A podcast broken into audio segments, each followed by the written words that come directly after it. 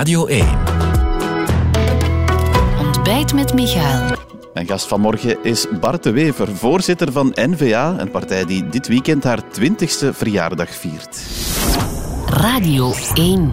Altijd benieuwd. Goedemorgen, meneer De Wever. Van een uh, prachtig zicht van het museum aan de stroom met een opkomende zon. Uh, enfin, maar u gaat straks een verjaardag vieren, begrijp ik. Hè? De NVA is 20 jaar oud en uh, dat gaan we vieren. We hebben dat al frivol gedaan in Plopsaland, maar we gaan dat doen ernstig doen met een academische zitting. Ja, we gaan het er zo meteen over hebben, maar ik wil toch ook eerst even terugblikken met u op die beslissingen van het overlegcomité van, van gisteren. Ik hoorde uw minister-president heel blij zijn. U ook dan, neem ik aan? Ja, ik ben wel tevreden dat de Vlamingen beloond worden voor wat ze gedaan hebben. Vlaanderen heeft die vaccinatiecampagne toch schitterend georganiseerd, samen met de lokale besturen en de eerste lijnzones. We gaan ver over de 90 procent. Ook bij jongeren zitten we al over de 80 procent. De hospitalisaties vanuit het Vlaamse gewest die vallen eigenlijk best mee. Men had het getal 500 vooropgesteld op ICU om te zeggen daaronder kunnen we de vrijheid hernemen. Wel, daar zitten we ver van. En zeker in Vlaanderen zitten we daar ver van. Dus het idee om het volle leven te hernemen, dat is een idee waar de Vlamingen recht op hebben. Ja, we zitten hier natuurlijk te kijken op een stad, de stad waar u burgemeester bent, waar die vaccinaties iets lager liggen dan in de rest van Vlaanderen, maar waar in bepaalde wijken echt de vaccinaties veel, veel lager liggen. Denkt u eraan, zoals bijvoorbeeld de, de burgemeesters in de Vlaamse rand, om toch nog wat voorzichtiger te zijn? We zullen zien hoe de situatie hier evolueert, maar ik moet u toch eerst en vooral zeggen dat ik dat viseren van Antwerpen echt beu ben. Ik dat zijn toch de cijfers dat, gewoon, hè? Ik snap dat dat interessant is. Ik ben hier burgemeester om Antwerpen met de vinger te wijzen. Men heeft dat vorige zomer al eens op een echt schandelijke manier gegaan. Dan zijn we heel de wereld rondgegaan als een soort covid-stad. Terwijl op dat moment de situatie in Brussel-Luik veel erger was, maar men wilde dat niet zien als men Antwerpen maar kon viseren. En nu is het weer van dat. Men kan niet over Brussel spreken zonder te zeggen, ja, maar in Antwerpen is dat eigenlijk ook niet goed. Maar ik vraag het u als burgemeester van uw stad, hè, bent u van plan om, om hier toch nog voorzichtiger te zijn? Wel, wij gaan ver over de 80% geraken qua vaccinaties volwassenen. We hebben natuurlijk een heel jonge bevolking. 15% is uh, tot 12 jaar worden niet gevaccineerd. Dus daar moet je allemaal rekening mee houden. En ja, ik besef natuurlijk dat in sommige wijken, sommige gemeenschappen, die vaccinatiegraad niet zo goed is. En het kan dus best zijn dat we de komende weken, maanden ook wel hier en daar problemen gaan zien. Bijvoorbeeld in bepaalde scholen, dat sluit ik zeker niet uit. Maar dat hoeft voor mij geen showstopper te zijn voor de hele bevolking. En dat hoeft niet betekenen dat iedereen nog beperkingen moet ondergaan. Maar we gaan natuurlijk uh, voorzichtig naar dat vrije Vlaanderen gaan en die vrije stad Antwerpen. En we gaan onze blik strak op de ziekenhuizen houden. Niet zozeer op de besmettingen, wel op de ziekenhuizen. Maar houdt u er dan rekening mee dat in die wijken toch nog extra maatregelen nodig zijn? Het zijn nu, het zijn misschien als, uh, daar, toch vaccinatie, als daar toch uh, de besmettingen opnieuw de kop opduiken? Maar ik ben nooit een grote believer geweest van maatregelen op wijkniveau. Ik denk dat het ook praktisch onmogelijk is en dat dat tot niks dient. Um, als er nog maatregelen nodig zijn, dan zullen we zien uh, op welk niveau dat we die moeten nemen. En dan zal ik mij in verbinding stellen met de Vlaamse regering. Want we hebben nu wel die vrijheid om te kijken wat er moet gebeuren. En met de gouverneur desgevallend om te kijken wat er moet gebeuren. Maar ik mag hopen uh, dat dat niet nodig zal zijn. Nee, want op dit moment zit uh, het beheer nog in die federale fase, zoals dat heet. Mm -hmm. Dat is het overlegcomité. Dat, dat zal allicht aflopen, begrijp ik, eind oktober. Dan is het opnieuw de situatie dat u als burgemeester aan zet bent of de gouverneur tenzij er iets op, op Vlaams niveau komt. Hè. Moet dat volgens u? Ja, volgens mij wel eigenlijk. Uh, dat is toch wel een enorme manco gebleken. Dit land heeft geen kader voor de noodtoestand. Heb ik al jaren gevraagd. Men heeft dan teruggevallen op die wet op de civiele veiligheid, eigenlijk het rampenplan, federale fase. Nooit bedoeld om een land te besturen ja, een jaar lang. een pandemiewet voor alle duidelijkheid. Ja, die pandemiewet, maar die deugt voor geen Ja, maar meter. is er- Dat is maar eigenlijk op gewoon, Vlaams niveau, eh, wat dan? Een, een, een mooie verpakking van hetzelfde, dus dat deugt niet. En een van de bijkomende manco's is dat Vlaanderen op zijn eigen bevoegdheden, die toch relevant zijn, bijvoorbeeld onderwijs, geen crisisbevoegdheid heeft. Dus het idee om te zeggen, ja, als er een nationale crisis is, een pandemie is, moet ook Vlaanderen die coördinatie in het eigen gewest eh, kunnen doen, of zelfs voor de eigen gemeenschap kunnen doen, ja, dat lijkt me toch een pertinent idee. Ehm, en dus ja, ik zou een eh, hervorming in die zin wel begroeten.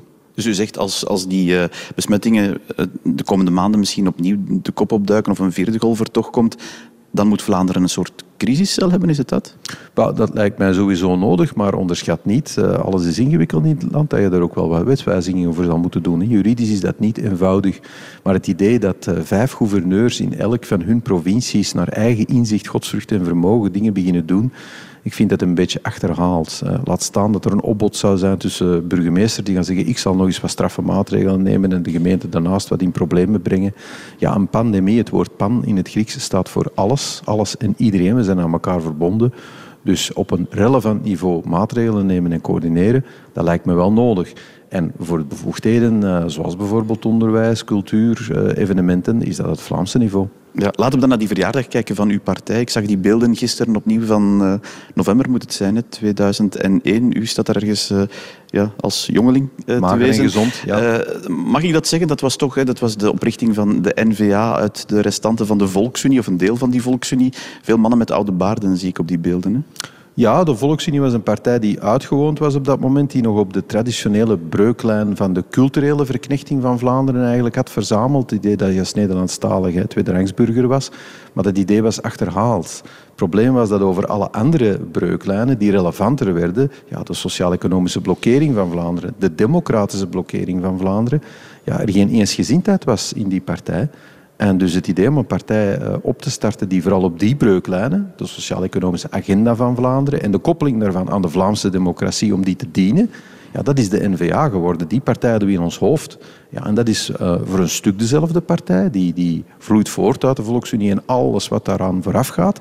Maar tegelijk ook wel een heel nieuwe partij. Ja, ik herinner me vanuit die tijd nog het begrip Haakse waarden. Weet u dat nog? Ja, Haakse waarden, dat was iets van onze eerste voorzitter, onze founding father Geert Bourgeois. Ja, het refereerde aan een uh, nogal linkse opstelling economisch, als ik dat goed voor heb, en rechts conservatief. Dat is vandaag wel iets anders in uw partij. Ik herinner me dat niet op die manier, uh, maar laten we zeggen dat we de eerste jaren ook nog wel een zoektocht hebben gedaan naar uh, ja, het vertalen van die grote mens- en maatschappijvisie die we wel hadden, naar concrete en coherente standpunten op elk domein, over welvaart, welzijn, over ecologie. Uh, dat is een proces dat je natuurlijk niet in een jaar loopt. Ja, ik heb bent... daar wel mijn best voor gedaan, moet ik ja, zeggen. want u bent economisch, ik denk dat het onder uw voorzitterschap was, wel opgeschoven, hè? Wel, wij zijn een partij die focust op mensen die werken, sparen en ondernemen. Dat is ons publiek, daar doen we het voor. Wij vinden dat die alle kansen moeten krijgen en met de vruchten van hun werk kunnen wij solidariteit organiseren in een volksgemeenschap. Want die zijn met elkaar verbonden en daar kan je spontaan solidariteit in organiseren. Dat is het model van de NVA. En dus daar hebben wij heel consequent economische standpunten uit afgeleid, maar ook standpunten over, welzijn, hè, standpunten over solidariteit. Laat daar geen misverstand over bestaan. Ja, maar op, op die manier lijkt u wel wat weg te gaan van wat u daar eh, twintig jaar geleden aan, aan de basis lag van uw partij, nee? Dat denk ik niet. Ik denk gewoon dat twintig jaar geleden eh, de NVA nog voor met veel witte bladzijden moest beginnen. En dan een jonge academicus heeft gevonden, die heette Bart de Wever, uh, om te zeggen, ja, vul die bladzijden eens in. Begin eens teksten te schrijven. En dan hebben wij onze eerste congressen gegaan, gedaan. En dan heeft die partij vorm gekregen. En vanuit haar mens- en maatschappijvisie, ja, bijvoorbeeld ook standpunten over inclusief burgerschap, over integratie, hoe, hoe ga je om met nieuwkomers, uh, eigenlijk een aanbod gedaan dat toch heel coherent was en dat de centrumrechtse grondstroom in Vlaanderen uh, moest aanspreken. En dat is toch al wonderwel gelukt. Ja, electoraal uh, kent iedereen natuurlijk het verhaal van uw partij. Uh, de grootste partij van het land geworden. Niet meteen, maar kort daarna. maar de grote maar, ik hoorde uw eerste voorzitter Geert Bourgeois gisteren bij Ivan de Vadder ook nog eens herhalen van twintig jaar geleden. Het is niet meer met België als het kan of zonder België als het kan. Die boetade van de Volksunie. Wij gaan resoluut voor Vlaamse onafhankelijkheid ja, twintig jaar later is dat natuurlijk wel heel mager, die balans. Ja, die, die opmerking wordt voortdurend gemaakt. Dat klopt toch, hè? Dat, uh, ja, dat klopt, maar dan kijkt men alleen naar ons en dat vind ik raar. Uh, dus alle traditionele Vlaamse partijen die zijn nu al jarenlang in Vlaamse minderheidsregeringen aan het kamperen. Uh, dat federaal niveau wordt steeds meer uitgewoond. Vivaldi-regering is een dieptepunt. Nog nooit zo'n kleine Vlaamse minderheid die ze steunt. Geen regeerakkoord. Dringende hervormingen voor Vlaanderen, voor mensen die werken, sparen, ondernemen, die er niet zullen komen. Niet op ja, vlak van fiscaliteit. Ik had het over uw, uw Vlaamse onafhankelijkheid. Ja, maar kijk eens. als je uh, in een land leeft waar de twee grootste partijen worden opzij geschoven, de zevende partij de premier gaat leveren, een uh, regering vormt waar zelfs geen regeerakkoord is op alle domeinen die onze welvaart uitmaken, dan moet je niet alleen naar N-VA kijken om te zeggen waarom gebeurt die grote hervorming niet, waarvan iedereen die niet blind is, eigenlijk zou moeten weten dat ze noodzakelijk is. Als je bovendien, tweede factor, toch in een land leeft waar heel Franstalig België door de grendelgrond versterkt al jarenlang kampeert op een eenzijdig non tegen elke hervorming en ze kunnen dat tegenhouden, dat is nog maar recent aan het keren, dan mag u een kritische analyse maken van NVA, maar je kan toch moeilijk zeggen, het is de schuld van NVA en NVA alleen dat die grote omvorming er niet gekomen is. Um, dat maakt mij helemaal niet pessimistisch hoor, dat we dat tot heden nog niet hebben kunnen doen. Nee, want ik zie wel de evolutie van die traditionele partijen. Ik zie de evolutie in Wallonië. En uh, de geschiedenis op de Longue Durée lijkt mij als een inrichtingsstraat naar een bepaald punt te gaan. Ik denk dat we er vlak voor staan. Ja, want dat hebt u zondag in Plopsaland daar eh, gezegd. In 2024 wordt onze afspraak met de geschiedenis. Wat is er anders in 2024 dan in uh, 2000, uh, wat was het, 15? Ik zal u zeggen wat ik hoop dat er anders zal zijn. Wat ik hoop hè, is dat de traditionele partijen die ooit samen 80% hebben uitgemaakt van de Vlaamse democratie, eh, dan misschien met moeite nog 30% zullen uitmaken.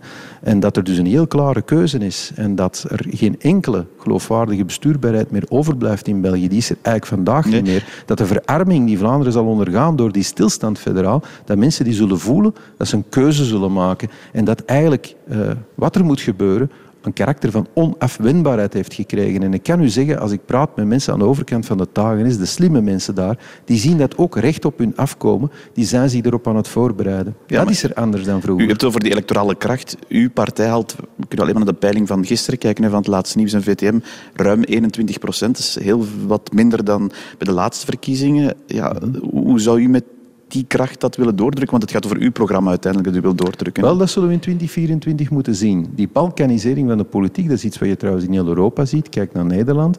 Je ziet die ook in Wallonië als ik naar de peiling kijk. Ja, dat zal nog meer de bestuurbaarheid, zelfs van de, van, van de eigen regio, uh, beperken. Ja, maar waarom zou u uw programma dan, kunnen doordrukken met ja, omdat, 20 procent? Omdat België dan volstrekt onbestuurbaar wordt. Het is nu al zo verschrikkelijk moeilijk. Men moet na elke verkiezing een crisis van een jaar, anderhalf jaar, twee jaar organiseren om de verkiezingsuitslag te doen vergeten en de mensen gelukkig te laten zijn met de regering die er dan nog kan komen. En die dan zelfs geen meerderheid heeft in het grootste deel van het land waar de welvaart wordt gemaakt. Dat is onze toestand nu al. Als die peiling morgen realiteit is, wordt die oefening nog moeilijker. Ja. wanneer stopt het? Er komt een moment dat iedereen beseft dat het op is. En dat is het moment waarop de knop kan worden omgedraaid. Maar ik geef u wel één ding. Ik denk dat als de NVA geen kwart van de stemmen kan halen, dat het moeilijk zal zijn om de motor van die beweging te zijn. En dat is voor mij de echte opdracht. Je ziet de doorbraak van uiterst in Vlaanderen. Ik ben niet blind, ik voel dat ook op straat. Maar die stemmen zijn verloren. Je kan daar operationeel niks mee doen. En dat zou het echte drama zijn. Dat wij vlak voor onze lotsbestemming staan als Vlamingen en dat we het niet kunnen bereiken omdat er veel stemmen ja, in de frigo geparkeerd ja, maar dat is wel de paradox. U hebt dat hier vorige keer ook uitgebreid gezegd. U gaat daar niet meer regeren met Vlaams Belangen. Dat hebt u toen duidelijk gezegd. Natuurlijk, qua, qua streven naar die onafhankelijkheid, wat u dan wil, willen zij ook. En dan zegt u van, ja, daarmee heb ik misschien een meerderheid, maar ik doe het niet.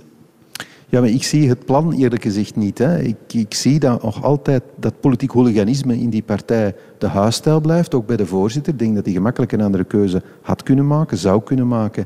Maar om een of andere reden doet hij dat niet. Ik vind dat dramatisch. Dat is een verpletterende verantwoordelijkheid. En ook de staatkundige strategie is totaal niet de mijne. Zij praten over een soort eenzijdige onafhankelijkheidsverklaring. Ik noem dat het Catalaans scenario. Dat zal het land in chaos storten. Je weet dan zo wat er gaat gebeuren.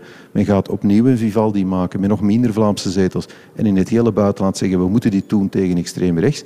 Ja, dit is niet uh, wat ik voor Vlaanderen Wie zijn uw bondgenoten dan wel? Maatschappelijk, als ik dat toch mag zeggen, ja, zitten wij ook niet op één lijn. Hè. Ik ben geen uiterst linkse partij economisch. Het Vlaams Belang is dat wel. En ik ben een partij die echt gelooft, en we tonen dat ook, dat nieuwkomers Vlamingen kunnen worden als ze dat wensen en dat we hen warm daarin kunnen ontvangen en steunen. Dat Naar welke Vlaamse partijen kijkt u dan wel? Wie zijn uw bondgenoten in 2024? Wel, in 2024 kan potentieel iedereen mijn bondgenoot zijn in de confrontatie met de onbestuurbaarheid van België.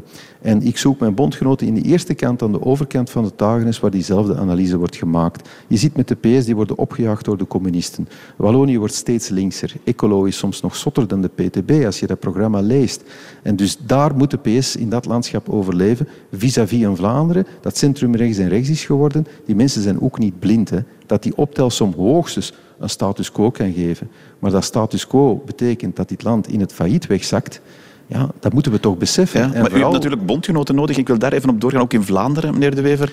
Dan heeft u toch een probleem. U kan niet door dezelfde deur met de Open VLD, begrijp ik. Zeker niet met de voorzitter.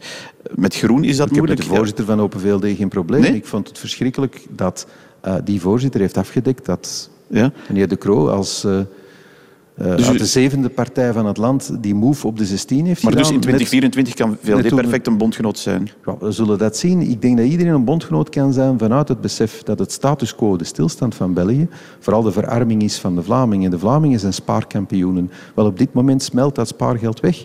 Er is een inflatie van bijna 3% in Europa. Failliete landen zoals België, de Club met landen, die gaan er alles aan doen om de rente laag te houden. Dus op dat spaargeld krijg je 0,1%. Elke dag smelt het weg, maar onderschat toch niet hoe zichtbaar, hoe tastbaar die verarming van Vlamingen gaat worden.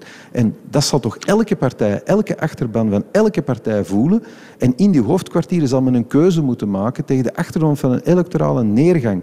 Ja, men moet toch eens kiezen wat men doet. Gaat men zich blijven op dat zwaard storten van die federale onbestuurbaarheid? Gaan ze dat echt doen bij CD&V? Gaan ze dat doen bij Vooruit? Ga Vooruit niet, op het moment dat de PS wil bewegen naar het confederalisme, ga Vooruit dat tegenhouden? Maar ik denk dat niet. Ik denk dat er mogelijkheden zijn. Eén vraag over uw partij, meneer De Wever. U zegt, ik heb een afspraak in 2024. Als u die afspraak mist, wat dan?